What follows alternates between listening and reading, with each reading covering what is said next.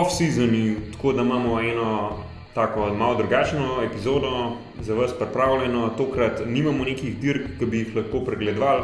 Tako da bomo malo pregledali neke te novosti, novice, kaj se dogaja. Za drugi del epizode imamo pa še pripravljen nek tak um, zanimiv, malenkost drugačen pregled sezone, kjer bomo um, malo svoje najmomente predstavili, kaj se nam je od te sezone res vtisnilo v spomin.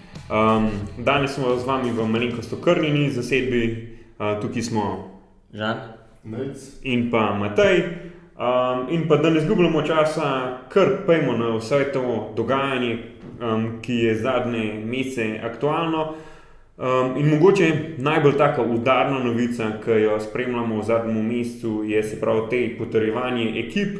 In um, pa predvsem tukaj je ena ekipa, ki smo jo pričakovali, pa je ne bomo gledali prihodnje leto, vsaj ne na tej uh, najvišji ravni, oziroma drugi ravni kolesarstva in pa seveda tudi posledično ne na Tour de France, to je BNB Hotels.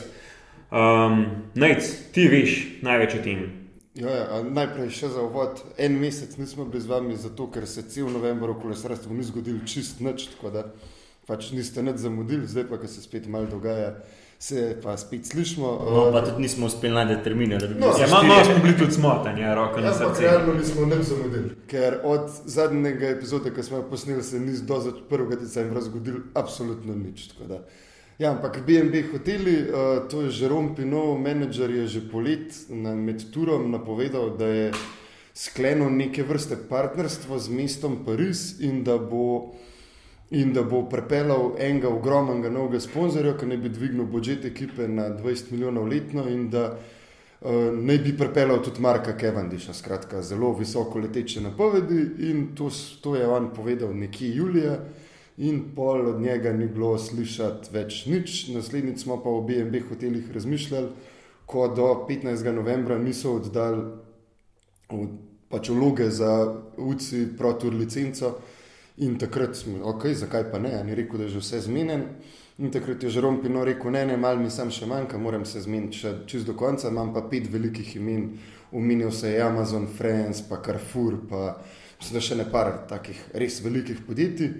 No, pa so pa sta minili eh, še dva tedna in nažalost se je od te visoko leteče zgodbe smo prišli do tega, da niti v do zdajšnji obliki BNB hotelov ne bo več, niti jo ne bo na kontinentalni ravni, niti ne bo ženske ekipe, ampak so vsi kolesari, kolesarke in vse osebje, ki so že imeli podpisane pogodbe za 2023, ustali sred decembra na cesti, sred decembra pa vemo, da ima večina ekip povsem polne skode ali pa ima samo še kakšno mesto fraj. Tako da precej žalostna zgodba, pa tudi precej enih takih kar perspektivnih kolesarjev, sploh francoskih, je tam v BNB hotelih bilo, ki se bojo zdaj morali znajti pod drugače. Recimo nekaj se jih je že, recimo Ramon Sinkaldam gre v Alpes in Phoenix, pa to, ampak nas v bistvu najbolj zanima, kaj se bo zgodilo z Markom Cavendishom, ker on je pač ta kolesar, zaradi česar sploh razmišljamo mi v Sloveniji o tej ekipi. In še zdaj ne vemo, kam bo šel Mark Cavendish. Najbolj smotrno se je zdelo, da bo šel v Izrael, ampak je Izrael vzel Stevija Williamsa na mesto Marka Cavendisha in popolnil svoj roster. Tako da zaenkrat se govori o Astani, kar bi bilo super, ker Astana nujno potrebuje koga, ki lahko zmaga vsaj kakšno dirko, plus če bojo imeli v ekipi uh, Marka Cavendisha, bojo na turu vsaj imeli kaj za delati. Druga ekipa, o kateri se govori, pa Human Powered Health, kar pa se jaz osebno res ne vem, zakaj bi Mark Cavendish mogel dirkati drugorazredne dirke in sigurno ne dirkati tura, saj sam to zmago na turu še čaka.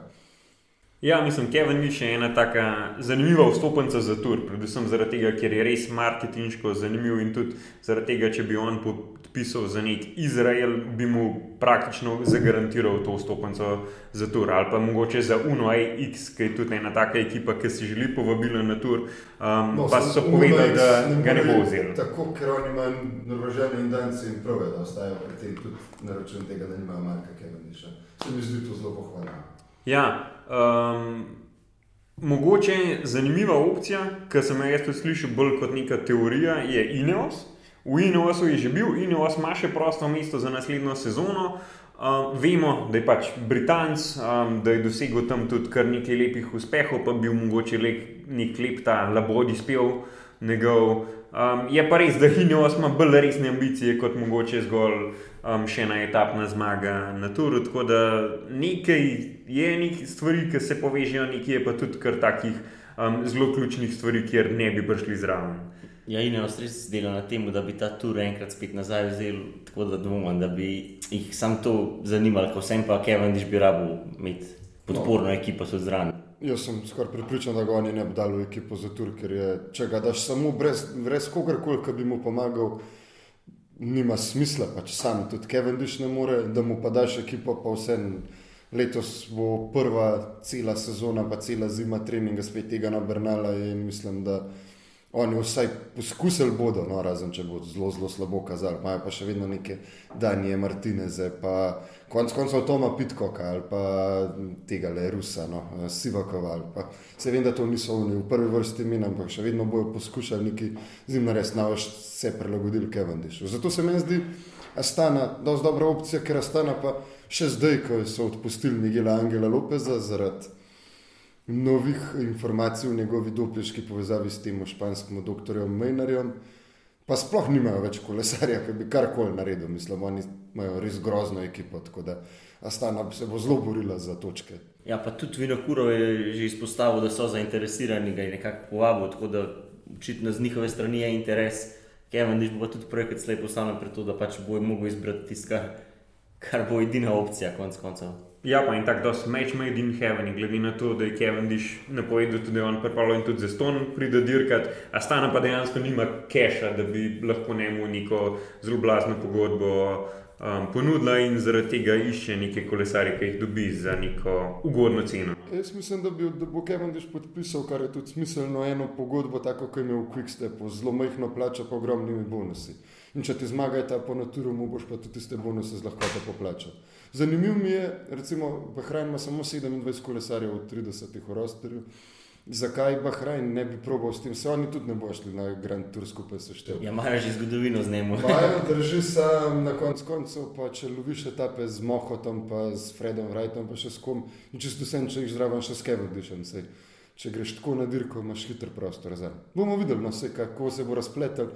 Mem, jaz bi mi bilo realno žal nekega human powered health, kot to pač pa resno. Ne razumem, zakaj bi pri taki bleščeči karieri, ki je Kevin Dišmil hotel dirkati pol neke francoske dirke, pa belgijske, pa kapa in kva mislim, kapa maris od tega. Ja, neč res. Bomo videli, je pa zelo žalostna zgodba, no še ena od pro ekip je potonila in skozi manjih je in škoda. No. Ja, če sem hotel reči, da v bistvu še enkrat več se pokaže ta problem kolesarstva, ker dejansko ni nekih prihodkov, da bi v tej meri, da bi bilo za sponzorje res zanimivo. Ne, ni, ja, ja, ni, ni, ni, ne vem, dostopni denarja, ni, mislim, mislim, mislim, da ni od TV pravic spet tako velika. Ne. Nek približen transfer okolje bi se lahko spostavil, da bi ti saj nekaj malega učkodnin dobo, če narediš enega šampiona, ker tako pač tudi v futbalu recimo. Funkcionirajo manjše ekipe kot valilnice talentov, pa dobiš od učkodnin kar nekaj denarja, recimo Zagrebski Dinamo, najboljši primer tega. In tega v kolesarstvu ne moreš. Ne? Zdaj, to je pač, do ti si lahko dober, sem dokler imaš, mislim, sponzorja boš pritegnil, dokler imaš ti dobrega kolesarja v svojih vrstah. Pa, če ti prepeleš enega dobrega kolesarja, pa ti on zmaga dve dirke, pa pride UAE, ki ima praktično neomejen budžet, pa reče, ja, uh, koliko imaš ti pogodbe na let? 120 ur, 200 prid, pa če nam neč iz njega, smo pa 200 ur stran vrgaljaka muda. No, to je problem tega kolesarstva, ker koga boš pa imel v ekipi. To je res, čeprav po drugi strani mislim, da imamo letos več pro-ekip kot lansko leto. In da uh, v Švici sta ratole dve nove Tudor, uh, ki jo Fabian Cancellara postavlja, pa še se pravi Q365 oziroma nekaj ja, takega, ki pa se pravi bivša Quebeca. Ni v bistvu biša, čist nova ekipa je. No, ja, ampak uh, isti liki se pa v zadju. Generalen menedžer, drugače pa nek magnator, ki je bil južnoafriški, ki je bil direktor enega ogromnega podjetja, ki kople diamante in druge kamnine ali whatever, pač tipe milijarder in se je preselil v Švico in zdaj bo malo vrgel. Narejo to, pa ni bolj je zrihtel, da ta denar, ki ta Q365 je proizvajalec dresov, ki to ne bi bila popolna telesna temperatura, 36 stopinj pa pol za to.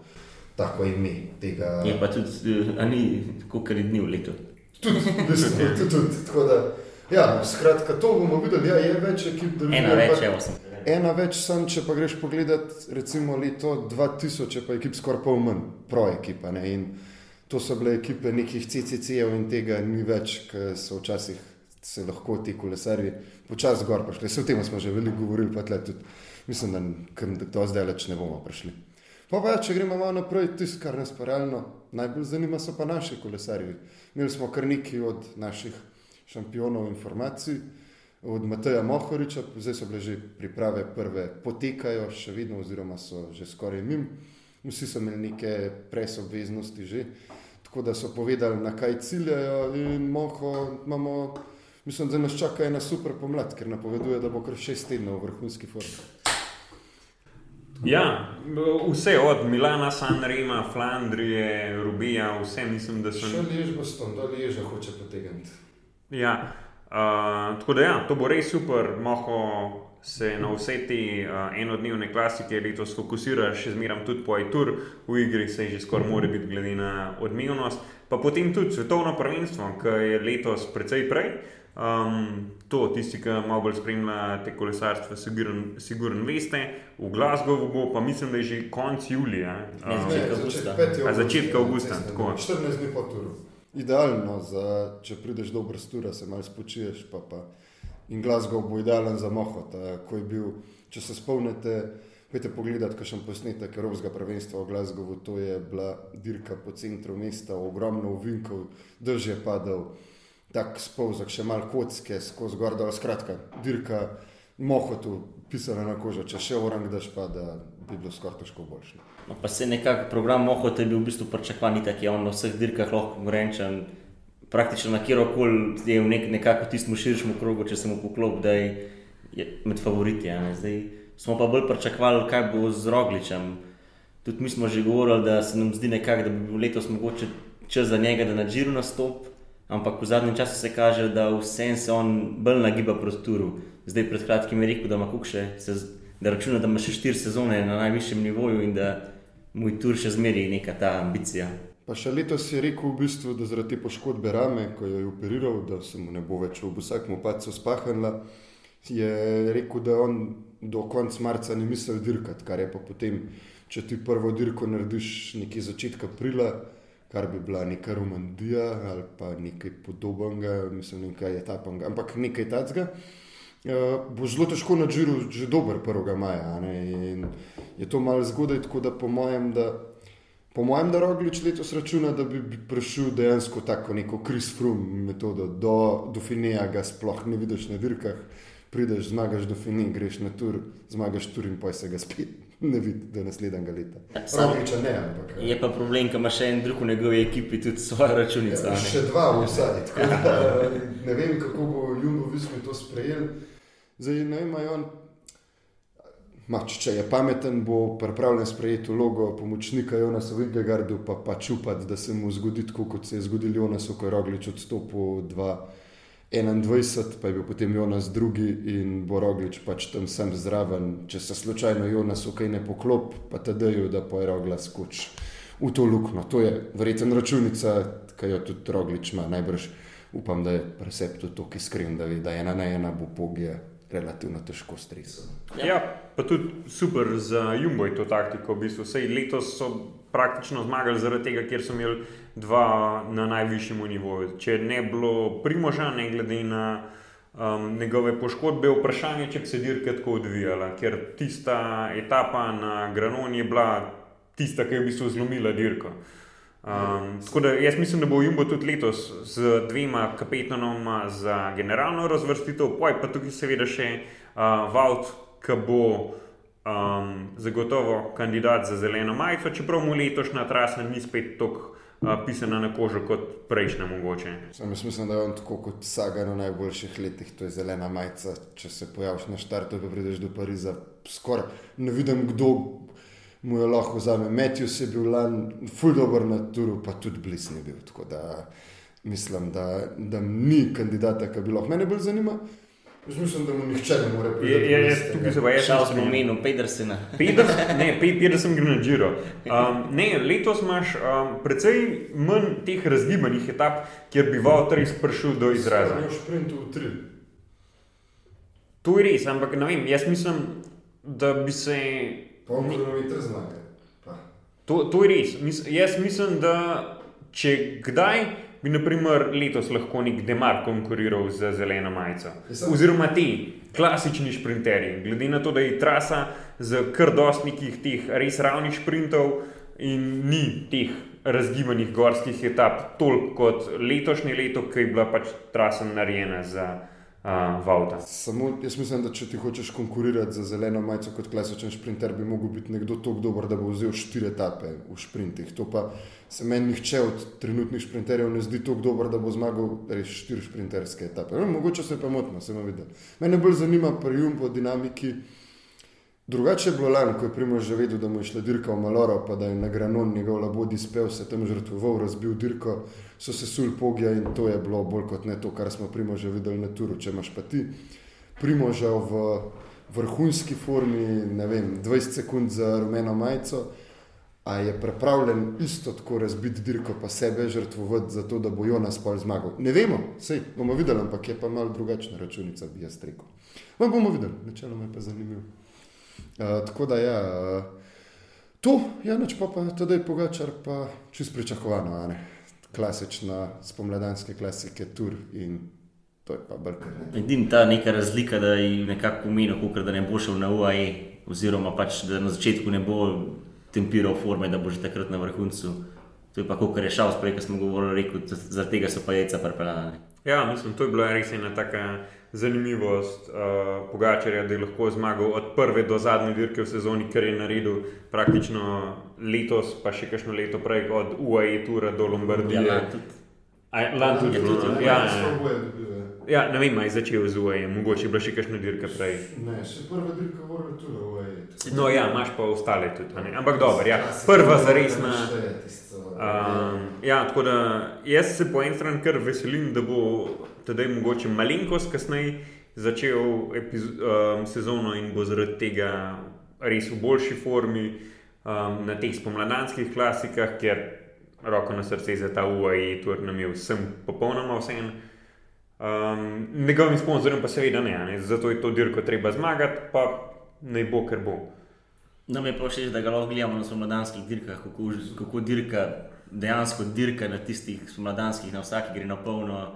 Pa tudi on uživa. Tudi on uživa v tem in ja, za nas je to najboljše. Pa tudi se je še vedno zelo mlad, sam mislim, da tako naporne sezone, kot je imel recimo Lana, ne s takim tempom, to se ti nek, po mojem, vse malo pozna, malo se skuraš in je boljš, da malo ladi, pa mogoče bi bil letos pol ta čas, da mogoče vojel to stisne v jesenski del sezone, sploh če bo v turu uspešen, pa da proba dva grand tura v sezoni odpeljati, zakaj pa ne, če bo imel malo bolj mirno pomlad. Mogoče se na zato vojel, da se konec koncev lahko odloči po turu, tudi po svetovnem prvenstvu, s tem, da svetovno prvenstvo bo pač v vlogi pomočnika letos. Jaz sem pripričan, da bo ta doj šel, ker mislim, da ni dileme, da on ne bi hotel dirkati za reprezentanco, bo pač letos naredil kaj za mohota, pa miskca in je to to. Ja, pa realno takrat tudi nimaš nobenih takih drugih dirk, ki bi konkurirali svetovnem prvenstvu. Edini, če hočeš imeti edin, če hočeš imeti pauzo pred Vuelto, ne te pol ta svetovno prvenstvo, mi smečkan zafrkne v tem terminu zdaj, ker bi dejansko takrat mogel imeti tisten teden frej. Ampak dobro, to je še delač, pa pustimo. Bomo videli, kako se bo odvijal. Glavno je, da pride zdrav na štart tura. Pa, pa. Še za hitre, ker v lihoturu govorimo. 2024, eh, cilj v Nici in s kronometrom, ki bojo olimpijske igre v Parizu.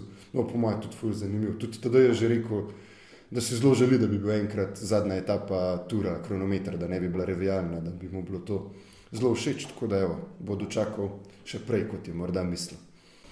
Ja, prvič v zgodovini, sicer, da ne bo, da ne bo cilj v Parizu.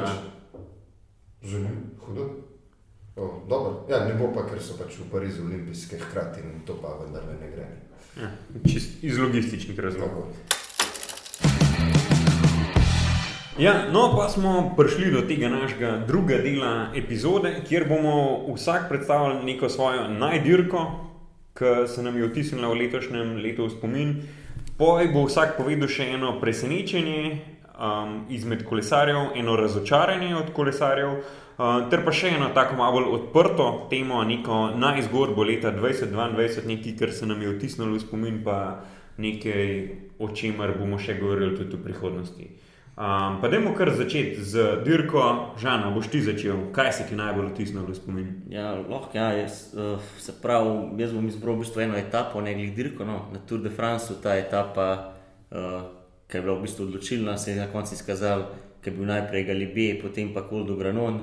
Uh, mi smo sicer gledali tudi živo na Koldo Granonu, ampak smo si jo pol svega pogledali tudi po posnetku in je bila res ena, tako se mi zdi, najboljših etap akcija, cel čas, že, ti, že prej tisti, ki je Pitkop napadel, v bistvu že, že prej nas pustil.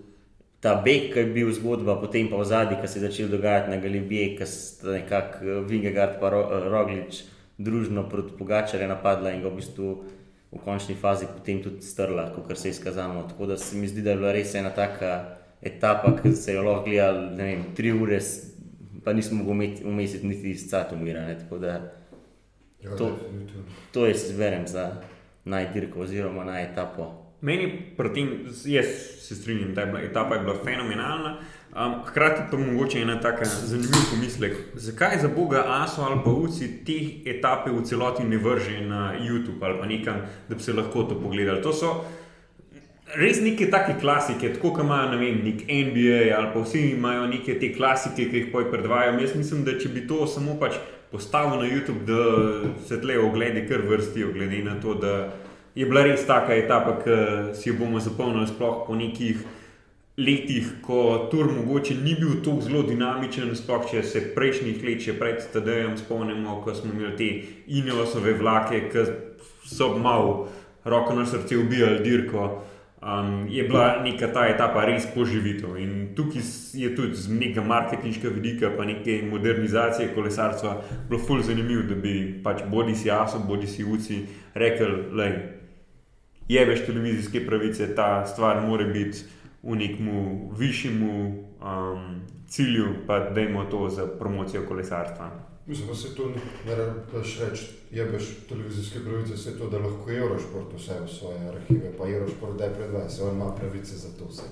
Tako da to bi se zihar dal. Ja, se strinjam, no, to, to se da reklamirati sploh zdaj v zimskih mesecih, ki čakamo, nimamo nič od kolesarstva, pa bi bilo čisto dobro, če pogledati spet, če enkrat prežgeš televizijo, kaj deživen četrtek, sred novembra, šaltaš kanale, pa vidiš 120 do cilja te etape, pomaga bi kar ostati. Pa da ti spet na koncu malo stres srce. Ja, ja, da te zaboli. Ampak meni, takrat sem eno tako tolažbo, sicer tolažbo v TD-ju, nesreči, ne, ker sem videl, koliko je on trpel gor na Koldu, in sem rekel, pa se dobro, da sem jaz tako trpel tja gor, mi je bilo še poj sprejemljivo, če še TD trpi, tako da je ta klanc je res, to je za prepovedati. Ja, noč bom jaz pol naslednji, uh, meni najljubša dirka mi je bila letos Strade Bianche in Pogačarjev šov, no, da se tako pohecaš k tekmici, pa napadeš 50 do cilja, pa se odpeleš, da se odpeleš, da napadeš praktično v sedi, da greš, da vmes pred zadnjim oklancem še talaš five, pogi timu, ki so tam navijali za njega. Se mi zdi, da je na tej dirki pokazal en tak šmek, ki ga redko kdo kdaj pokaže, sploh na enodnevni dirki.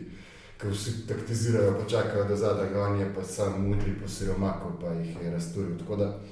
To mi je bilo res lepo videti. Čeprav za samo dirko pa škoda, da mogoče ni šel še kdo zraven, da bi imeli malo mal bolj te še zmer eh, napetosti, kako se bo vse skupaj razpletlo. Ja, če smo vedeli 48 do cilja, da je dirka odločena, ampak je posebno.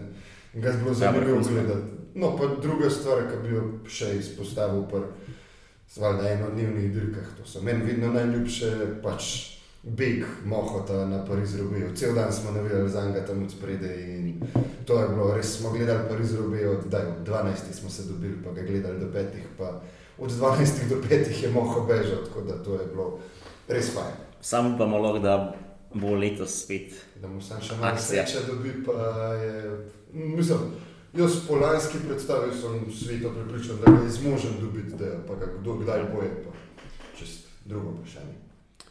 Ja, tudi jaz se kar pridružujem temu, da je bila Pariz Rubin ena ljubših dirk sezone, ampak uh, za najljubšo bom pa vseeno vzel dirko po Flandriji. Tudi jaz sem kar ljubitelj enodnevnih dirk, sicer um, tokrat se je končala brez naše zmage, po da mu rečem malenkost um, neumnosti ali pa naivnosti, mogoče skoraj boljš rečeno, da ko je v tistem zadnjem kilometru res zakockal to dobro vrstitev, sicer probo izmagati. In ja, naredil je vse, kar je, da bi zmagal, zaradi tega pa ko šel na četrtem mestu, Matiju je vzel to, um, pa mislim, da je bilo kar um, dobra dirka tudi za pogled. Tudi, um, Jan Tratnik um, je bil zelo dober, um, zelo fajn se je vozil in je bil je res tak um, spektakel teh um, tlakovanih klasik. Da, um, za moje. Pa še ena dirka, ki se že zdaj veselimo za naslednjo. Ja, let. definitivno. Uh, mogoče tukaj sam še v isti sapi. Um, ena zelo slaba dirka, saj za moje pojme je bilo pa svetovno prvenstvo. Um, Ko je trasa dosto obetala, je na koncu bil dosta razočaran od se pravi članske dirke. Une U23 dirke, ženske dirke so bile vse bolj zanimive kot članska dirka, ki je pa Renko s tem, da je bil predober, dosta ploče. Sej smo i naškrge dihali zadnjo minuto, ko smo videli Jana Tratnika spet, kako bi skoraj prišel do kolajne, ampak Um, Se ni bilo že to samo po sebi, dosti tako adrenalin moment, ki ti naredi dirko. To je res. Imamo pozabili onih 300 metrov, ki zgleda, da bo srebrn, je bilo uh, pul za 200. To je res, sam jaz se zmeraj veselim teh svetovnih prvenstv, pa evropskih prvenstv, tam je bil pa en tak mal kreng pri okus. Ja, Kot smo prej hajpali dirko, v bistvu koliko je enih možnih razpletov, se je po enakem zgodil tisti, ki smo ga tudi nekako napovedali dejansko tako beg, pa pa rem kot tam naprej sam. Je bilo res poje na koncu, v bistvu dolgočasen, mislim, dolgočasen. Videl se je tudi, da bo on šel do konca in da je to, to vsaj kar se zmage tiče. Se, če greš poslušati našo epizodo v napovedi pred svetovnim prvenstvom, smo rekli, da je, bi mogli biti glavno vprašanje v slovenski reprezentanci za pogačarja. Ali sledi trenku, ko bo napadel 50 do cilja, ker veš, da bo napadel 50 do cilja, čakati na vanerta. In Pač, tam se je tedaj odločil, da bo čakal na Vanerto, ležite odločitev. Remko je pa napadel 50 do cilja, pa to smo vedeli, da se je zgodilo. Čisto po pričakovanjih in je šel do cilja, in glede na to, kaj nam je kazal, že recimo spomladna ležba s tem ležo, ki se je na zelo podoben način odpeljal do zmage, kot se je na svetovnem. Ali pa že v prvi sezoni na San Sebastianu, ki se je isto tako odpeljal, smo pač vedeli, da lahko gre, žal je pač tudi pol šel. Bil je pa spet kaos v tem zadnjem krogu, ker nihče ni vedel, kaj dejansko se na dirki dogaja. Mi sprintamo za srebro, ne sprintamo za srebro, tako da to je bilo malo kaotično. No. Super, da ste omenili, to je bila tudi ena izmed teh stvari, ki so me malenko zmotile pri tej dirki, da uh, zadnji krog je bil kaos in ne tak. Pozitiven kaos, v katerem bi lahko nek gledalec užival, ampak je bil sam pač kaos, pa nihče ni več vedel, kaj se dogaja, razen tega, da je bil Rinko spredaj.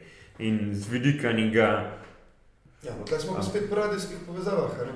To smo pa spet nazaj pri tem, če bi bile radijske povezave, bi bila tudi Numik van Vluten, olimpijska prvakinja na cesti, ne Ana Kizenhofer. No, ja, sam, ampak tudi, pač, konc koncev tudi gledalec, ki je gledal prek kamer, ni vedel, kaj se dogaja. Ja, da tudi pač slab, slaba režija, sploh, zelo, zelo. Sploh v teh časih digitalizacije, ko v bistvu ne vem, vemo vse lahko da pol ne veš niti, kje skupina je, ki je malo žalostna. No. To je meni, pri kolesarstvu, mi gre zelo na živce, ker to digitalizacijo uporabljamo čez premalo. Recimo, UCI to zdaj dela za, za Track Champions League, so naredili pač aplikacijo, ti prideš gledati pač dirke na pisti in v aplikaciji imaš noter uživo podatke vseh kolesarjev in pač eh, tam imaš noter še podatke o vatih, pa o pulzu, pa recimo, da je to, da je to uh, malo kaj pa vem.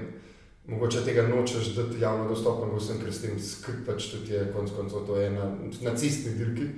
Ena od stvari, ki jih hoče skriti, ampak vsaj po GPS podatek bi pa meni, ko je zgleden Tour de France etapo ali pa svetovno prvenstvo, bi mogel odpreti aplikacijo in imeti po številkah GPS klikati in mi točno pokaže na zemljevidu, kje ta človek je. Mislim, to je pa tako enostavno narediti, da ne razumem, kaj točno se tle dogaja. Mislim. To rabimo za noht velik čip, ki ga vsakmu damo na številko noter in je to to. Tako da neumen, ne izkorišča kolesarstva svojega potencijala, še, kar se digitalizacije tiče, tudi približene. Pa bi nam lahko, vsaj nam gledalcem, če že oni ne vejo, kaj se dogaja, nekako lajšati to dirko. Kaj smo pri tej temi, digitalizacija in promocija kolesarstva? Um, a kaj vemo, kaj se dogaja zdaj z tem dokumentarcem, ki ga Netflix pripravlja o Tour de France? Bo, ne bo. Ja, bo, bo. Tak dokumentarc mislim, da nekje maja je napovedan, da pride. Aha, okay. Posneli so vse, zdaj pa pač ta postprodukcija in stvari, ne vem točno, kdaj ga bodo dali ven, verjetno, ko bo zmontiran. Po mojem, da ne gre tako hitro, kaj idealno bi bilo ga zdaj le ven. Sam jaz mislim, da bo Netflix to naredil v nekem hajpu pred turom, pa ga bodo dali tako da. E, morda boljš, tudi tako. Ja, zelo no, zelo imamo čas, da bi si imeli ja, lepo ja, ja, da se tam zelo entuzijaste. Takrat pred turom bo pa po mojem več ljudi hotel to ja. gledati. Ja, če gremo pa naprej, na, jaz bi za kolesarja, ki je presenetil, izbral Binija Grmaja, ker je bil pač res lepo presenečenje, fajn zgodba. Sploh z odpiranjem šampancev, kaj vse se to dogaja. To ni bila lepa zgodba, ampak vse njegove zmage. No, imamo Afričana, ki zmaga Gindevel in to je res nenavadno in ful dobro za videti. In me, on me je ful navdušil, pa drug, ki ga bi ga pa res izpostavil na tle, Jana Tradnika na tlakovanih klasikah, kako se je leto zvozil, to je bilo. Vsi, vsi vemo, da je borec pa ne popustil, pa da ima mašino sam. Da so pa tako pelo, kot se je, na vseh dirkah praktično je bilo pa meni ful presenečenje in mora skapa dol za to. Ja, mislim, se o Biniju smo že precej govorili, tudi o Tratniku smo že marsikaj povedali, tako da uh, jaz se tukaj pridružujem, pa nimam nekih več dodatnih. No, jaz sem tudi nekaj sicer imel na prvem mestu, ampak pa sem malo razmišljal še en tak, naprimer je Jai Hindley, je pozitivno presenetil s tem, da je zmagal Džiro na res dober način. No. Nekako po tistem Džiru prejšnjemu, ki je bil drugi, smo si mislili, ok, pač tisti Džiro je bil malo poseben fant je v redu kolesar, ampak nismo pričakovali, tudi pred žirom, ga nekako nismo uvrščali v ta najvišji krok. No, in je pozitivno presenetil in bo zanimivo videti, kaj bo v nadaljevanju karijere še dosegel.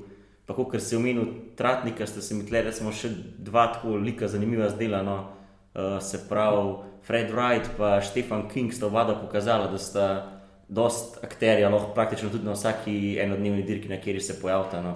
Kinga smo prej zmeraj bolj kot kronometrista imeli, ampak je bil v bistvu letos na vseh enodnevnih klasikah zraven. Rajce pa tudi nekako se mi zdi pokazal kot en, da lahko v bistvu dobi kjerkoli dirko ali pa etapa.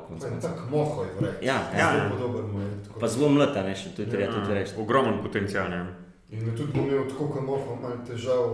Po mojem zmagati na koncu, mislim, bom mogel na pamet zmagovati dirke, ker šprinta pač nima, ampak Že letos je bil tokrat blizu, da ni vrag, da se mu poklopno, pa da bo, pa da bo pač šlo naprej. Pa, če gremo na najbolj zanimivo zgodbo. Oj, čak, čak, čak, čak, jaz sem še presenečen. Aha, sem mislil, ja, jaz sem se zaključil. Ne, ne, ne, ja, ne, ne, jaz sem samo tvoj komentar. Uh, moj presenečen je pa še ena Avstralija, Jay Vine. Um, tudi um, en kolesar, ki prihaja iz Zwifta oziroma iz tega e-športa meni je bil zanimiv to, glede na to, da je to neka ta vstopna točka za kolesarje, ki do zdaj nismo bili vajeni, um, pa je zdaj že tudi v 2021 izkazal neke solidne rezultate, zdaj 2022 je bil pa res njegov preboj. Ta Vuelta je bila res super, dve etapne zmage, od tega eno iz te skupine favoritov se je praktično odpeljal. Pa še enkrat v deseta. Mislim, da je na treh pobegih bil v tisti zmagovalni skupini, sem da enega ni dobil. Ni Tako, ja, nekaj takega. Pa tudi v bistvu bi najverjetneje dobil to majico najboljšega gorskega kolesarja, če ne bi pojepadel. No, uh, sicer smo pa na koncu videli, da je ta drugi del Vojelte, ki je serijsko zmagoval Karapaz. Karapaz, ja. ja. In bi glede na to, kako je on gorske etape, bi mogoče vajna še kar prehitro, bilo bi pa zanimivo. Mogoče bi pa tudi Karabas kakšno etapo manj vzel, ne? Ja, ker se je dobre zgodbe. Va, vajn je bil res dober in meni je bila to ena taka zelo fajna zgodba, um, da vidimo tudi neko pač to drugo vstopno točko, da vidimo, da lahko ne samo pač prek te klasične poti, um, ki jo večina kolesarjev pozna, pridemo do Vortura, ampak da tudi prek neke te um, divje um, zgodbe z Vitom. Sploh malo starejši, ne, mislim, da je nekaj 24, recimo, ne, na pamet. Mm -hmm. Se pravi, tudi nekako tako starejši. Amater, pa da se pol tako vključi. Ne moreš smo lani dirkal prej, kot je bil star, tam cirka 20-21 dirkal za te neke avstralske ekipe in jih takrat, ko jih hotel nekaj na prebojno sezono, da gre Evropa udarila korona, pa je bila Avstralija za dve leti odrezana od sveta in pa rekel, da ta Zvift akademija še to probam, zato bom treniral, če mi tle rata prav, če ne pa grem, ne vem, delat v skladišče pač. In le moj ratar.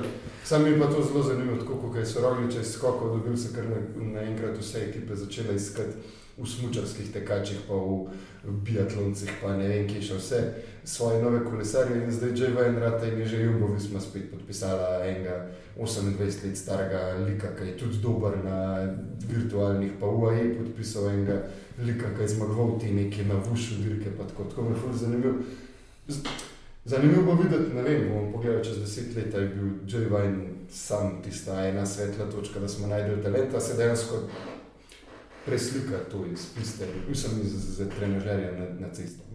Mislim, vse smo videli tudi Slovenca, ki je zmagal to z Vift Akademijo, takrat, kaj, Jan Laurič? Martin, Martin, Martin Laurič. Um, pa z njega pa je žal ni bilo tako zgodbe o uspehu kot Joe Vine. Uh, ampak ja, meni je bila to ena taka ja, zelo. Meni je malo razočaralo, da je šel v Wayne. Meni tudi. Jaz sem Phoenix ja. mnogo lepšo prihodnost kapitana na enotedenskih, pa tudi na tritedenskih dirkah. Mogoče je Tlavoj si pa šel v eno zvezdniško ekipo, kjer boš drugtince nabiral tam, ko se nobenemu drugemu ne bo dal dirkati. Tako da to mi je, ampak dobro. Če bo in bil preko, da je šel po torbo. Ja, se prav, se, se, zato konc koncev to fanti delajo, se in to jim pa res ne more zameti. Je pa škoda. Iz, vidika gledalca? Uh, razočaranje. Um, okay. Bom jaz tukaj mogoče začel. Um, za me je bil tukaj razočaranje ekipa Adrija Mobila, um, oziroma se pravi um, ta njihov kolesar, uh, kaj bo že ne glivar, uh, hočevar. Hočevar, ki se pravi leta 2021. Um, bil že v deseterici, oziroma tik ob deseterici na dirki po Sloveniji, letos se je pa po nekaj zgubil. To je bilo meni nekaj takega, ker sem res pričakoval, da bom lahko spremljal nek ta bolj klasičen razvoj kolesarja, glede na to, da imamo tukaj TD-ja, Pogačarja, ki presega vse te standarde, pa je resno preskakoval stopničke. Um, on je bil pa en tak kolesar, za katerega sem pričakoval, da bo vsak let nekoliko boljši, da bo letos mogoče um, v igri za peterico na dirki Sloveniji, pa da bo še kje drugje um, prikazal neke dobre rezultate, pa od njega ni bilo prav veliko. In ne samo od njega, tudi od cele ekipe Adrian Mobil letos res ni bilo prav veliko. V bistvu edina taka zares odmevna um, zmaga je bila dirka na državnem prvenstvu, kjer je Kristjan Korenc res super odpeljal.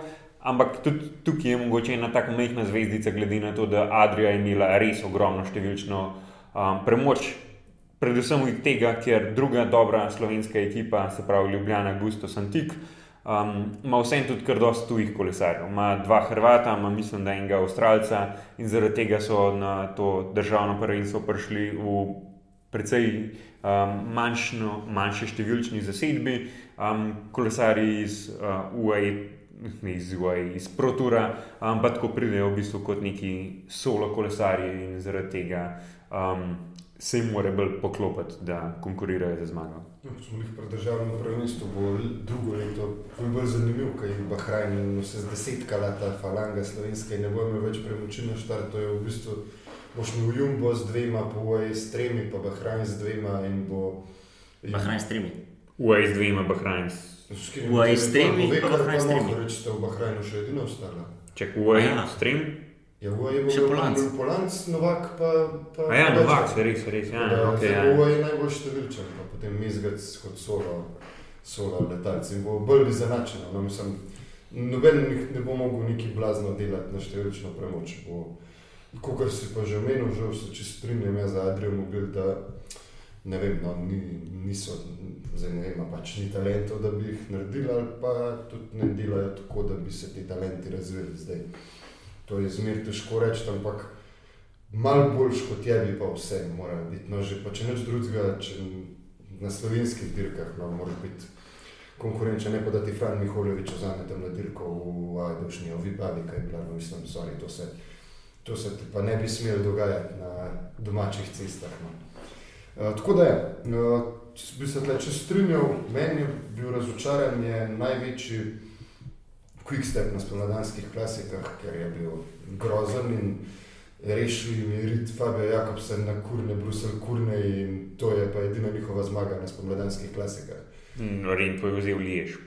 Dobro, in ko je na koncu zelo samo oni kocke gledajo, pa to so A, ok, no, če gledaš samo te klase, ja, ja. Tam, Ok, kjer so ja, do ja. zdaj vedno bili alfa in omega in so harali, so bili letos nevidni, niti dirk niso krojili, niti, ni, mislim, to, to je bilo kar en tak fall from grace, tak belak in mi je bilo, to mi je bilo razočaranje, pa drug razočaranje, o katerem smo že veliko govorili, mi je bil pa Roglič in njegov PR battle na Vuelti s Fredom Brighton, to me je pa hudo, hudo razočaralo in to imam pa podčrtano zgodbo kot nekaj, eno veliko črno piko, tega, kar bi moglo biti v učbenikih, fanti ne tega delati. no. Ja, da se jaz navežem na Quickstep, se strinjam, njihova sezona je bila, um, saj z tega vidika, res slaba. Je pa res, da so imeli tudi kar obilico smole. Ob, smolo s poškodbami, smolo s korono. Um, in zaradi tega je tukaj mogoče vsaj v neki majhni meri to opravičljivo, glede na to, da res nisem imel kompletne ekipe, pač vsak let se tudi ne more poklopiti. Pa tudi videli smo, da um, Ineos je bil letos na teh spomladanskih klasikah tlakovanih precej boljši, Jumbo je bil, mislim, da lahko rečemo najboljša ekipa. Uh, tudi z uno svojo trojno zmago, ki so jo dosegli na eni izmed teh klasik. Um, tako da, ja, Ne, vse meni ni, ni toliko mi razočaranje, da niso nobene zmagali, ker tudi na dirki niso bili nikoli blizu, to je Mm. tisto, kar me bolj moti. Ampak ja, malo mal tudi smola, malo pa dejansko. no, Se pa pa sam slabi. Ja, pa malo se pa že pozna tudi, da kadrujejo drugače, pa delajo ekipo za Rimka, počasno se resursi malo drugam usmerjajo. Ola Filipa in Rimka in to tipa. Sober, na Flandriji zdravala Filip bi bilo verjetno malo drugače. Pa Tim Dekler, pa še Ja, kdo drug. Kasper razgrena, ne, ampak vse zato, po imenu. Kar se, kar se Quickstepa tiče, bojo imeli letos nekako ta popravni izpit, da pokaže, da je bila to samo pač res slaba sezona in spletna ključi, smola itd. ali pač so dejansko malo zamudili na tem, Ja. se pravi, nekako osveževanju ekipe, kar se tiče klasika. Ne. Ja, na rekrutanju so dejansko mogoče malo ustali zadaj, ker jih je konkurenca zelo prehtela. Prej so, imeli, prej so bili tle nesporno oni, ki so celo ekipo praktično imeli zgrajeno za klasike, pa, pa smo vzeli še kakšen sprint paket, kot na kakšnih drugih, ampak dirkah. Zdaj pa, zdaj pa ja, zdaj so pa pač Rimko ekipa, sej smisel, da se imaš mogoče najboljšega kolesarja na svetu. Ja, mislim, da Alpes in Phoenix, oziroma zdaj v novi sezoni bo to Alpes in Deklinik. Dekini Dekini Karlsson. A Deklinik Alpes. in- Um, se pa nekako tega njihovega recepta izpred parih let poslužuje in oni pa kar nekako pičijo vse te neke solidne kolesarje za klasike. Um, tako da meni se zdi, da bojo oni počasi prevzeli ta primat um, gospodarja teh tlakovanih klasik, seveda um, takoj za Jumbom, ki ima še zmeraj um, najmočnejšo. Mogli za pet let, po mojem. Ja, mislim, sej, letos so pa kupili še zmagovalca prvi Srbije. ja, to, da- Imaš Volta, imaš Van Barleja, pa, pa, tem, pa imaš pa še Laporta, ki se odlično vozi, pa daš še Tratnika, pa še koga, mislim, tle je talenta, res, lahko se stav še ekipo takih, ko vsi lahko zmaga. Tako da ja, to, je, to me malo razočaralo. No ja, skratka, to bi. Ok, pa mogoče še mu, jaz sem pa ene par imen, ki jih bom na hitro navrgel. Prvi je Mark Padun, ki sem ga na začetku izpostavil kot moj kao up za to sezono. Sicer je tudi on imel, vem, korono, pa malo ta, recimo, da vojna v Ukrajini, pa, pa to nekako na koncu na Velti tudi imel, ne dva dobra bega, no, tako da je, je malo dvignil spet ta upanje, ampak on mi bi tak malo osebno razočaranje. Pol recimo drug eh, se mi zdi Kela Bivan, ki nekako bi mogel rešiti se je pričakoval, da bo on nekako rešil loto za obstanka, pa tega nekako ni uspel, vključno pač z vsemi ostalimi v ekipi. Uh, tretji, ki se mi zdi, da se je čist zgubil letos, Džani Moskon. Ja, Lani je v bistvu bil na pragu zmage Pariz Rubeja, letos pa ne vem, se ne spomnim niti enkrat, da bi ga videl nek v akciji. No, Neč omembe vedenega. Pa No, še- sorry, pa ker smo proti temu, pa cela stane z njim urejena. Ja, no, ja, dejansko ni bilo ta stane načane. Uh, četrti, ki je pa mogoče malo tak, no, um, malo drugačen, se mi pa zdi recimo Filipo Gana. nekako tudi se mi zdi, da na kronometru ni zmagal, ne na turu, ne na svetovnem prvenstvu, ne na evropskem prvenstvu. Pa hkrati sem veliko več od njega pričakoval, tudi mogoče, da bo na klasikah nek akter ratov, glede na to, da je mašina, da, ne, da ima nekakšne prave predispozicije, ampak se ni nekako tudi v tem izkazal, hkrati pa tudi kot nek pomočnik v hribih, tudi ni neki spet veliko pokazal. Tako da mogoče sem od njega pričakoval, da bo postal večdimenzionalen v bistvu je pa še na kronometru postal slabši. No. Tako da on mi pa tako tudi malo.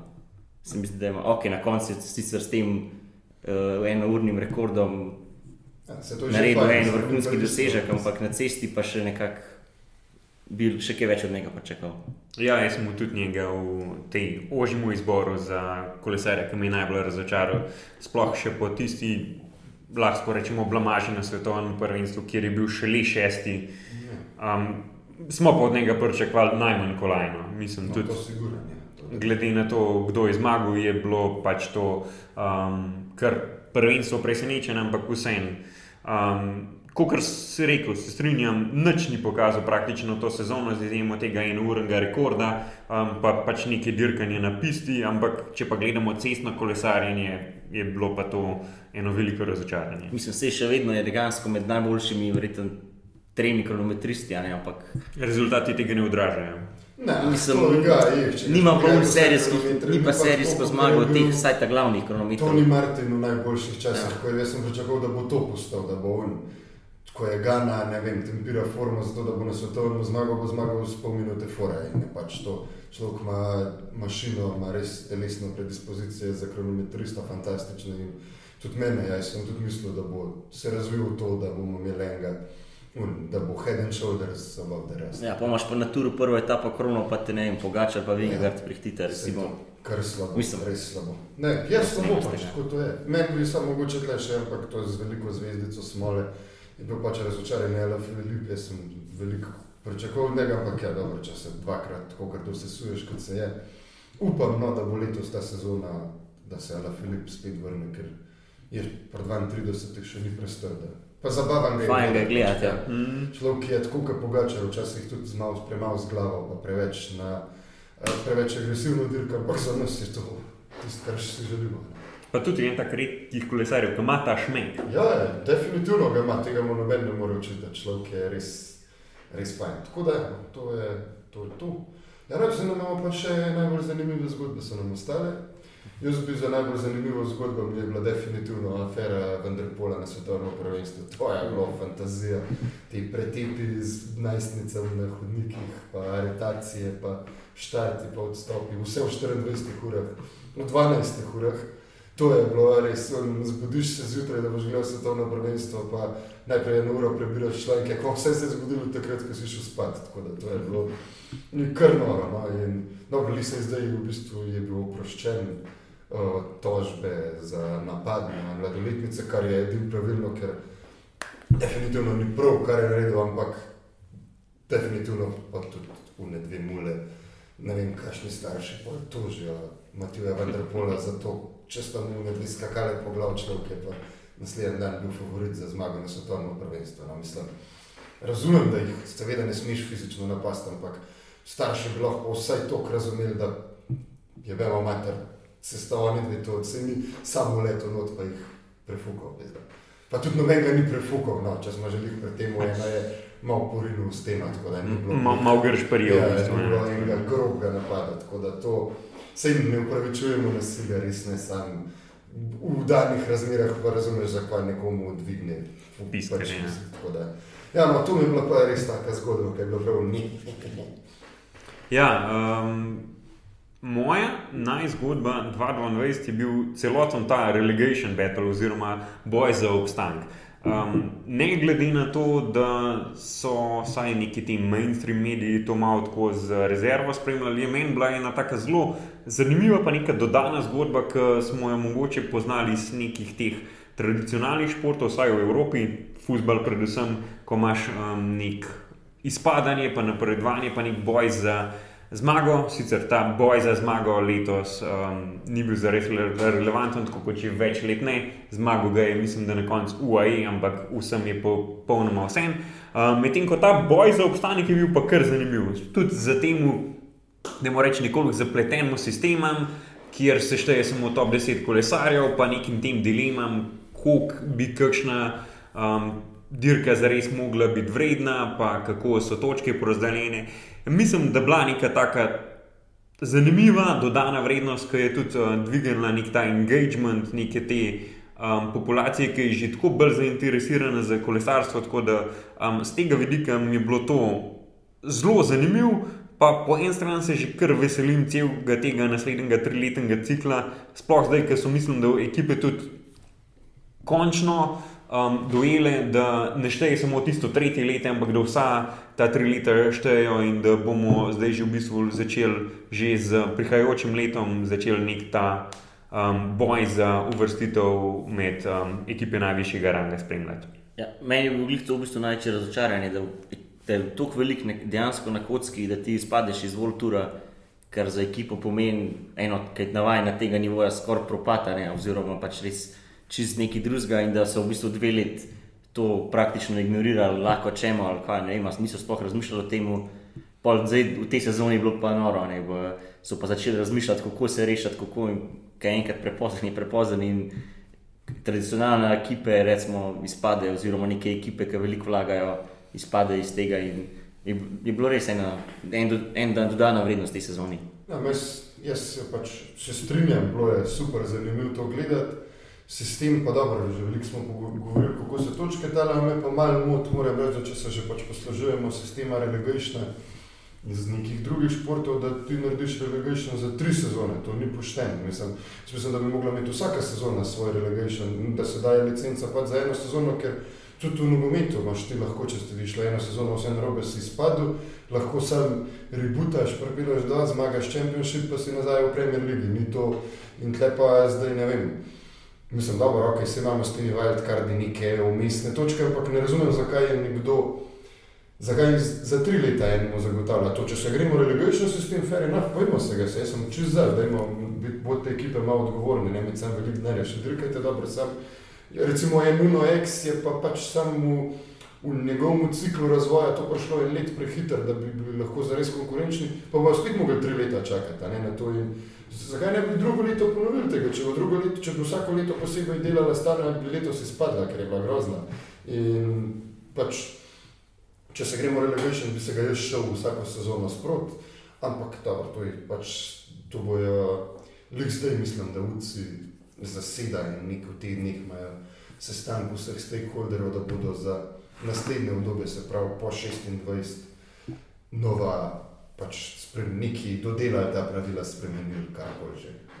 Pomagam, kaj se bo s tega izcimali. Smo pa v celi sezoni kar veliko tega govorili. Ja, predvsem, je, je, je bilo, je bilo. Je bila taka. No, pa še to, kar smo se pa že pogovarjali, tudi na Piru, ful je dobro, da imamo relegation, ampak vsi uh, v vseh športih tudi tunka zmagajo, nekaj dobijo. Prvak zdaj bi bilo fajn dati neko, uh, nek bombonček temu, ki to zmaga, da bi za kaj šli, recimo, da če je ekipa kaj zmagala, ima na vseh dirkah avto številko ena, to je že kar lepa prednost, pa hkrati ni tako velika, da bi nekoga druga onemogočila.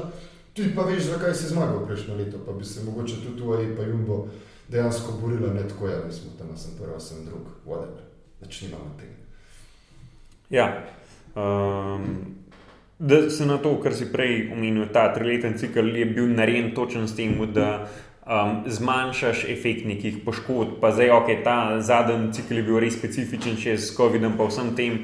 In mogoče, ok, zdaj pa jaz tudi strinjam, da pač lahko imaš enoleten cikl. Če slab, boš pač že naslednji let prišel nazaj, če je zelo dober. Če pa nisi dober, pa očitno spadaš v to drugo ligo in šuti trpi. Točno tako, se v nogometu se ti tudi najboljši igralec poškoduje, pa ti noben reče, ja, ja probiš pa drug let. Ne, pa če spadeš, se pa drug let dokaže v drugi ligi, pa pridno nazaj v prvo let. Tako je. Poškodbe so v vsakem športu sestavljene, da ne moreš zaradi tega.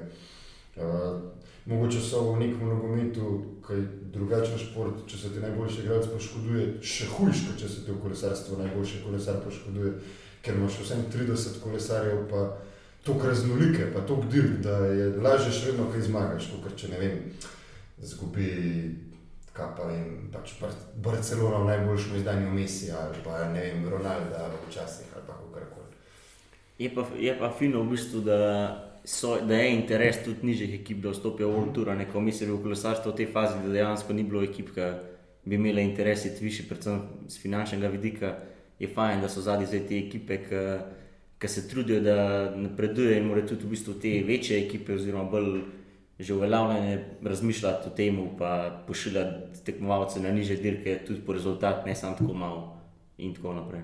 Ja, se čustvujem, ful da je čar pri tekmovalnosti temu kolesarstvu, da nihče ni varen, malo se vsi počutijo naprej, že kar je pa zmer dobro.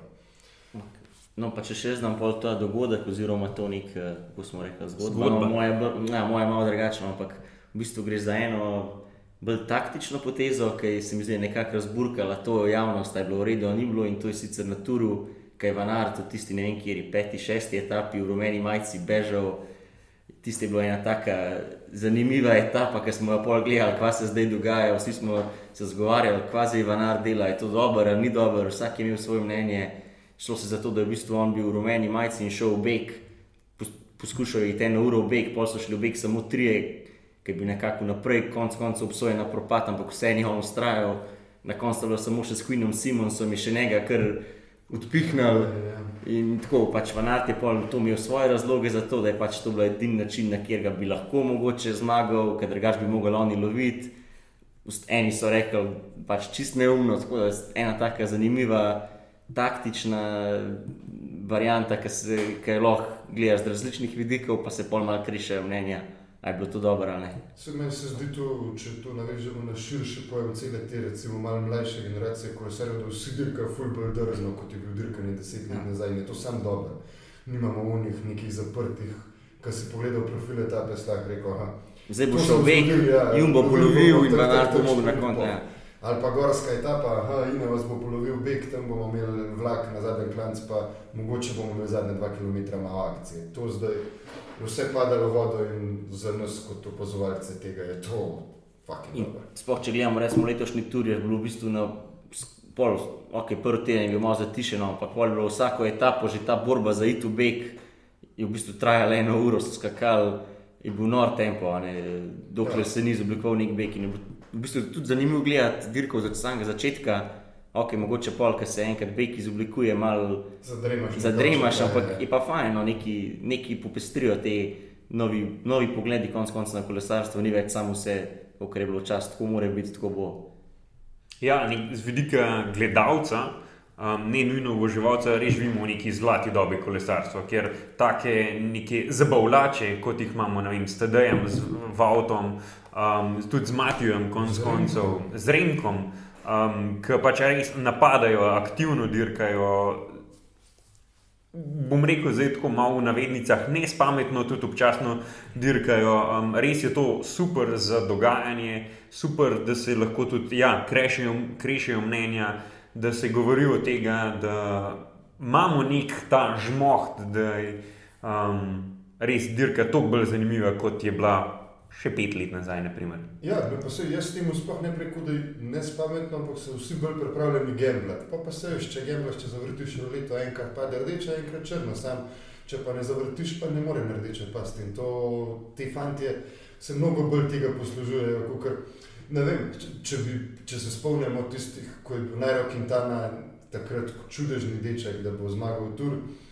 Če bi on kdaj malo bolj drzno dirkal, ne čakal, da bo Ineos napadel na zadnjem oklancu, ker bi Ineos z vlakom vse pod kontrolo, bi se mogoče dirke tudi kdaj kakšne drugače razpletle. Pa se zato je konec koncev Džiro zmagal po uni v snegu, ja. ker je bila kao neutralizirana dirka, pa je napadel na spustu, pa je bilo sicer to malo sporno, ampak probal je.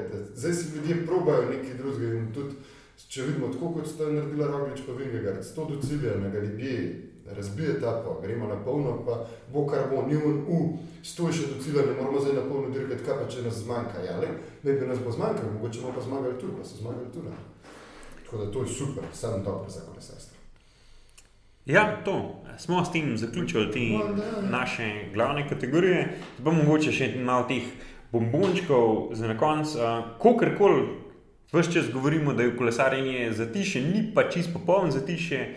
Uh, Ciklokros sezona se kar na polno dogaja, tudi neke te mednarodne dirke. Um, so na sporedu, fanta, ste kaj gledali? Ja, ja vsaj še highlight, pa malo rezultate. Zdaj je bilo zanimivo, vanert pa prisača. To je bilo res dobro. Ja, najprej je prišel Vanderpol, pa zmagal, pa je mogel iti na priprave, zdaj je vanert zmagal. Ja. Tako je šel misliti, tudi zmagal. Ja, zmagal, ampak ni bilo njih. Ja, ja. Teh dveh še ni uspel premagati. Ampak zdaj se meni ta bila dobra z brisača v Dublinu, ko je šel skozi boks, vanert pa je enemu mehaniku druge ekipe padla brisača zapela med zubnike in je laufal nazaj v boxe, ponovil bajk, zgubil 20 sekund, pa je še enkrat ujel, pa zmagal. Čeprav nisem točno zastopil, zakaj ni da vam brisač ven? Mm, tako se mu je noter v zubnike, v zubnike ujela, da to ne bi ven dobil, mislim, ja, da je to treba. Mogo bi kitno dol dati, pa mislim, ja, šlo bi v božje materijalnega cajta. Pa kar se ti mednarodne scene tiče, je tako v ciklokrosu zmeri ta nekako od božiča do novega leta, oziroma še malo po novem letu najbolj zanimiv, tako da to nas še čaka. Kar se pa tiče slovenske scene, je pa letos malo uh, žalostno. No, v bistvu bomo imeli samo dve dirke, ena je že bila, kar se tiče članov, zelo v slabi zasedbi, prihaja pa recimo ta vrhunc, uh, ki bo pa 26. decembra v Ljubljani. Računamo, da bo to drugače, na stožcah tukaj je bilo lani. Lani je bilo res vrhunsko, smo šli tudi pogledat zadevo, se splača iti, spiti kakšen pirček. Lani smo si mogli sicer svoje, pa ne vem, kako bo letos. Niste uradni, ja, ja, ja, ja. da lani ste bili na skrivati. Ampak res fin dogodek, ful dobro zorganiziran tudi, tako da priporočam vsem ljubiteljem kolesarstva v Ljubljani, spoh tistih, ki se z Ljubljani imate čist blizu, pojdite pogledat pa malo. Tako. Pa, pa prazen, ki je še sekund dan. 11. Paris, mislim, dajte si za izlet to pa. Boste lahko rekli, da ste videli kakšnega od zvezdnikov. Bomo videli, kdo bo prišel, ampak verjetno kakšen že bo. No. Ja, pogib skoraj mogo, glede na. Ja, zdaj sem odvisen, da ima mogoče takrat kakšne druge obveznosti ali pa kakšne dopustke ali pa boh ve. Ampak. Pa mi zgodi si tudi lani rekel, da ja. je njemu to bilo full fine. Govekar tudi, govekar je. Če govekar je pa zmagal, zdaj ta. Ne, ne, Štajno je zmagal, sorry. Ja, ne, mislim, da bi bilo treba res počasi uh, tam le naše fante na zvezi vprašati, uh, kako disciplina dobiva na prepoznavnosti po Evropi full. Mislim, skozi bolj se govori tudi v Sloveniji, pa tudi druge v tem, pa v neke nove države gre svetovni pokal, pa to mi pa imamo vsak let manj dirk v ciklokrosu. S tem, da jih naše najboljše kolesari hočejo dirkati, to je bizarno. Je bila zdaj dirka v straži, tam pri novem mestu, pa v bistvu je bil samo Štajnar iz Meblojogija, pa en Makedonci iz uh, Adrije, to je pa to, kar je bilo elit kolesarjev. Mogoče moraš pač narediti ja. ne, neko prvenstvo sedmih dirk, pa da tudi kakšno nagrado, pa malo motivirati te kolesarje, da bodo prišli vsaj na pet od sedmih dirk, vsaj kolesarje od slovenskih klubov, vse ti se ne more zanašati na Mohoriče, pa Pogačare, pa to oni bojo, če jim bo jih pasal noter v program prišli. Ampak če bi pa vsaj naši kolesarji vedno dirkali, kar pa glede na to, da imajo prve dirke v sezoni sred marca, konc februarja, začetek marca, bi pa res lahko. Ja, škoda, da no. hodijo na obalo, mislim, trenirati, če se vse če priješ na dirko. Škoda je, ker je res zanimivo, tudi za gledalce je res zanimiva zadeva. Je pa konec koncev spet prepoznavnost in za klube in za sponzorje, vse to pač neka dodana vrednost, ker to, da se vem, kolesari Radenske oziroma Ljubljana, Gusto Santika ali pa Kranskega kluba, KK Kran vozijo po Istri, od tega nimajo sponzorje čisto nič. Če se pa pridejo pokazati v stožce, pa tudi tam 200 ljudi ali pa 500 ljudi, kakorkoli že bo, je pa vsem to vsaj neka dodana vrednost. Ne? Imamo ta čas, da je adventen, ki se pač redkem greš, koga srečaš, pa je fajn. Pa to so stvari, ki se lahko odvijajo relativno v mestnih jedrih, pa velikih vidiš, pa niti ne trajajo dolgo, pa eno soboto do povdne pelati ali mulce ali pa iti s kolegi na empirije, pa res mislim. Super, pa zraven še malo kolesarstva pogled. Tako da nobenega dobrega razloga ni, da tega ne počnejo. No. Ja, se vidimo v Ljubljani. Tako, tako. tako. Um, še se pravi, ko smo pri adventnem času, pa Adrian Mobil um, organizira pa v bistvu dirke na pisti. Zdaj ta prenovljena pista v novem mestu v Češči vasi um, je kar dobro zaživela. Zdaj bomo imeli tudi, se pravi, kako je smo uh, 28-29. Um, sta dva dneva, ki sta posvečena tem dirkam na pisti, tudi uh, svetovnega prvaka v mladinskih kategorijah bomo videli tam Žakr Žen, je neka ta nova dasa slovenskega kolesarstva, saj za pisto. Um, in ja, tudi dva taka simpatična dneva kolesarjenja, mislim, da ob petih začnejo, pa tam nek do devetih približen, da bi se zaključil program. Um, tudi Madison obljubljajo, da je neka ta najbolj atraktivna um, disciplina. disciplina cestiščnega kolesarstva. Ja, ja, dirkališčnega. Dirkališčnega, oh, fuck. Ja. Uh, tako da, ja, to. Um, ja, mislim, pa tudi tako je, pač res, to je pa sploh dogodek, ki se ti skozi nekaj dogaja, pa še na suhem ste, ne, ne, zelo na toplem, malo tukaj tudi tam se da spet kakšno pivo. Pa, ne vem, če imate, če razmišljate. Imajo šankton, ti bi bil zelo domač. Sam fajn si prej pogledati malo pravila dirk, da, je, da, da veš približno, kaj gledaš. Ker so malo zaprti. Če ti je nekaj do kolesarstva, če vam pogrešaš to, sploh če si z dolinskega konca, a se zapileš v gostilno zvečer, pa ti ja, mislim, da je boljši tja. Tako da, dobrodošli. To je to. Zdaj smo pa počasi pred koncem, pa mogoče sam še pred en izziv, da vaju postavim. Ampak tam mogoče kakšno tako divjo napoved za prihajajočo sezono, ta bold take, kaj bi se lahko zgodil, pa da res verjamete v to, ampak ni v nekem tem splošnem prepričanju. Uf, to je še zgodi. ja, moj bold take, ne sem za naslednjo, za naprej, da robič ima zmago nobene tretjedenske dirke več. To je moj bold take njegov, mislim, da, da je ta vlak odpeljal, zdaj pa me lahko že na žiru postavil. Me demantira, ampak mislim, da, mislim, da, da jaz bi za tem kar stal. Pa za tem, da bomo lahko zmagali še kakšen spomenik, ampak ta je malo manj bolj, ker realno enega že pa stari 70 let. Ja, jaz um, se strinjam s tem, da je to neke vrste bolj tajk, ampak jaz bi se tudi kar strinjal s tem, zato ker ne vidim, kako bi v vseh teh talentih, ki prihajajo. Se pravi, tukaj imamo um, TD-ja, imamo Renka, imamo tudi v Bori, Sijena, IT Brukse, oziroma kako koli že. Ne bomo se, se pač bomo za enega, ker tako ne bo šlo. Um, Máš toliko enih mladih talentov, ki prihajajo, in jaz mislim, da žal je primožal čez malenkost. Um, Mislim, tle, za, za sebe demontirati bi se s tem, da je eno vrto, pa res relativno hitro lahko res ene. To, to že, ampak, pa, pa Juso je še tukaj, pa toliko je enih kolesarjev, ki si želijo tudi če kaj vzeti od tri tedenskih dirk, da jaz res ne vidim. Samo ne, za kontra temu je pa konc koncev primožal če eno star 33, ne 37 let, tako da on bi lahko letos pokazal, mogoče bo najboljši v karieri, kar je bil pred 33, so včasih ljudje bili na vrhuncu svoje kariere, sploh na Grand Tourih. Takrat, pred 33, je bil Kris Frum totalno nepremagljiv, mislim, tura skoraj nismo gledali. Zdaj sem zaradi tega, ker so mlajši fanti tako dominantni, mislim, da še ne pomeni, da primož ne bi mogel biti pred 33. Sam žal mislim, da so ostali tudi po talentu, da ga pač prekašajo, da imamo tako izjemno generacijo drugih kolesarjev, da bo enostavno malo prekratek. Ampak, ne me demontira, jaz bom zelo vesel, če bo. No, bo še eno vprašanje, uh, če smo že pri tem, da postavljamo nekaj. A bo Slovenija v naslednjih 12 letih imela svetovnega pravaka na cesti? No, to, to kaj je rekel Matej, eh, bolj tek se brez hotel reči, da je Mohorič bo zmagal s tem prvenstvom. Ja, Sploh zato, ker vemo, koliko je on pripravljen vložiti v en velik cilj tudi ne, ki je bil tam prvenstvo v Flandriji, je pač res se posvetil temu, sicer takrat potem velik neuspeh za njega, no, ampak uh, se mi zdi, da je pač on en tak lik, ki če se nekaj odloči, mu bo slejko prej mogel uspeti. Tako da ajde, recimo, da bo naslednji let se tam pravi. Pa ne vem, v Švici tada ima surovo moč na klance, recimo, ne, to, to bi tudi mogoče da šlo, čeprav meni ne vem, to je tako težko, da do tega pridete. Da... Mislim, da no, svetovni prvak je samo en vsak let in mora se ti poklopiti ja. vse od zdravja, forme, dnevne forme, mislim, taktike, vse. Vedno, če mislite, da se bo. Jaz malo dvomim v to. Je, jaz tudi iskreno malo doma, ampak je pa dober bolj tek, um, žano. Bi pa rajš videl, da bi imela Slovenija svetovnega prvaka, kot da zmaga Džiro in Slovenci.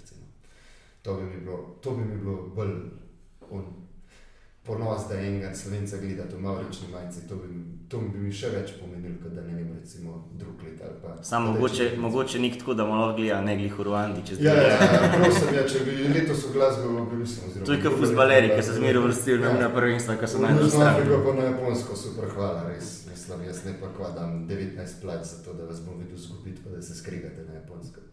Tako da ja. Uh, Kaj je tvoj? Jaz dva imam v bistvu. Um, Dva povezana z Belgijci. En je, se pravi, Renko je napovedal, da bo šel letos na Džiro, in moja napoved je, da bo šel na Džiro in da bo izven top 3. Okay. Um, to se mi zdi. Pač, ja, vse je bold take, ampak zdi se mi, da je toliko enih teh težkih klancev, ki renka nismo še zares videli. Ja, no, videti smo kragano. Smo ga, ampak ja. Ti je roglič zmlil prav, pa je bil roglič.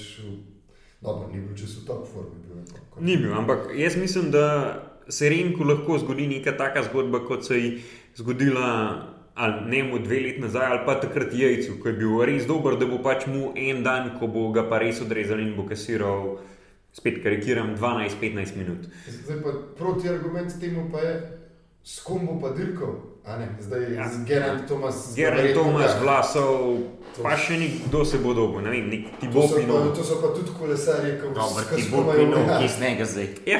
Vsi so tudi nagnjeni k temu, da imajo vsak še slab dan, tako da mislim, da že kar se konkurence tiče, kar nisi rekel zmagati, v top 3, v top 3, jaz mislim, da Remko, če jih ne pade, je skoraj težko, da ni no, ampak, ampak ja, no, ne bomo videli, se je, se zdaj pa bolj tek.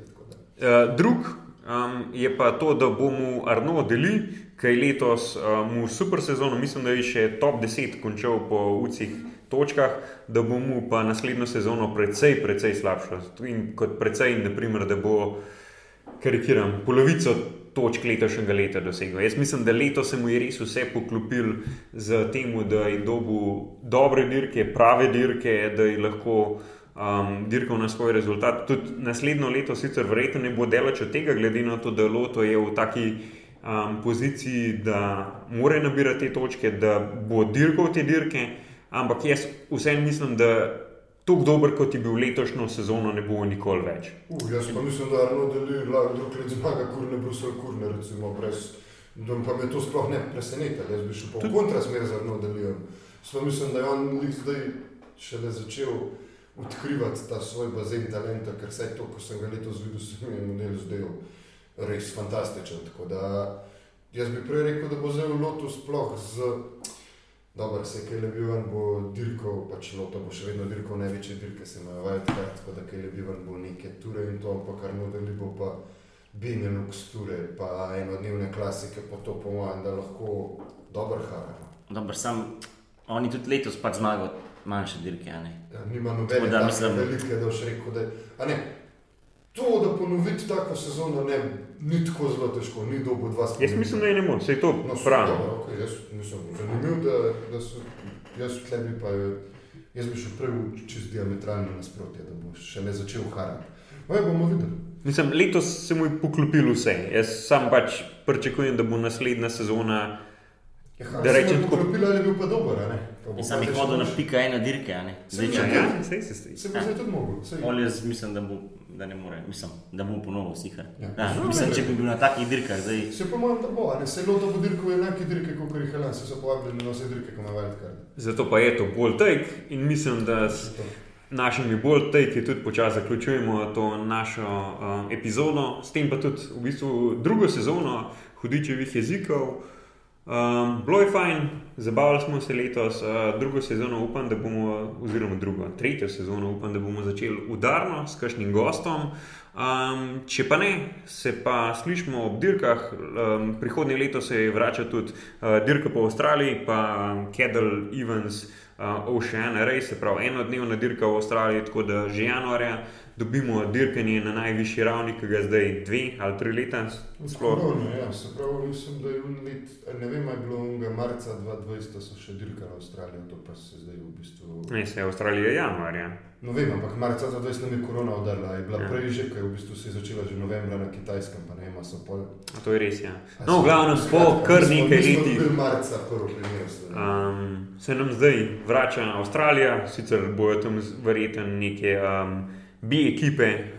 Ampak. Ja, čeprav ne vedno so v Avstraliji tudi še zelo zanimiv kolesar, vsaj še en let pokazal, to je bila zato, da je Pogačar je prva dirka vola, tudi recimo. Jo je tam odpeljal, pa tako, tako da mislim, da mislim, meni je bilo zelo dobro gledati, dirke, sploh kaj jih po celi zimi komi čakaš. Tako. Tako. Uh, tako da, ja, če ne prej, se slišmo takrat, upamo pa, da še vmes s kakšnim gostom. Um, in to je to. To, to. Hvala, ker nas poslušate. Um, ujemite nas na Instagramu, pa Facebooku in to je to. Pa v stožcah. Pa se vidimo. Zdravje.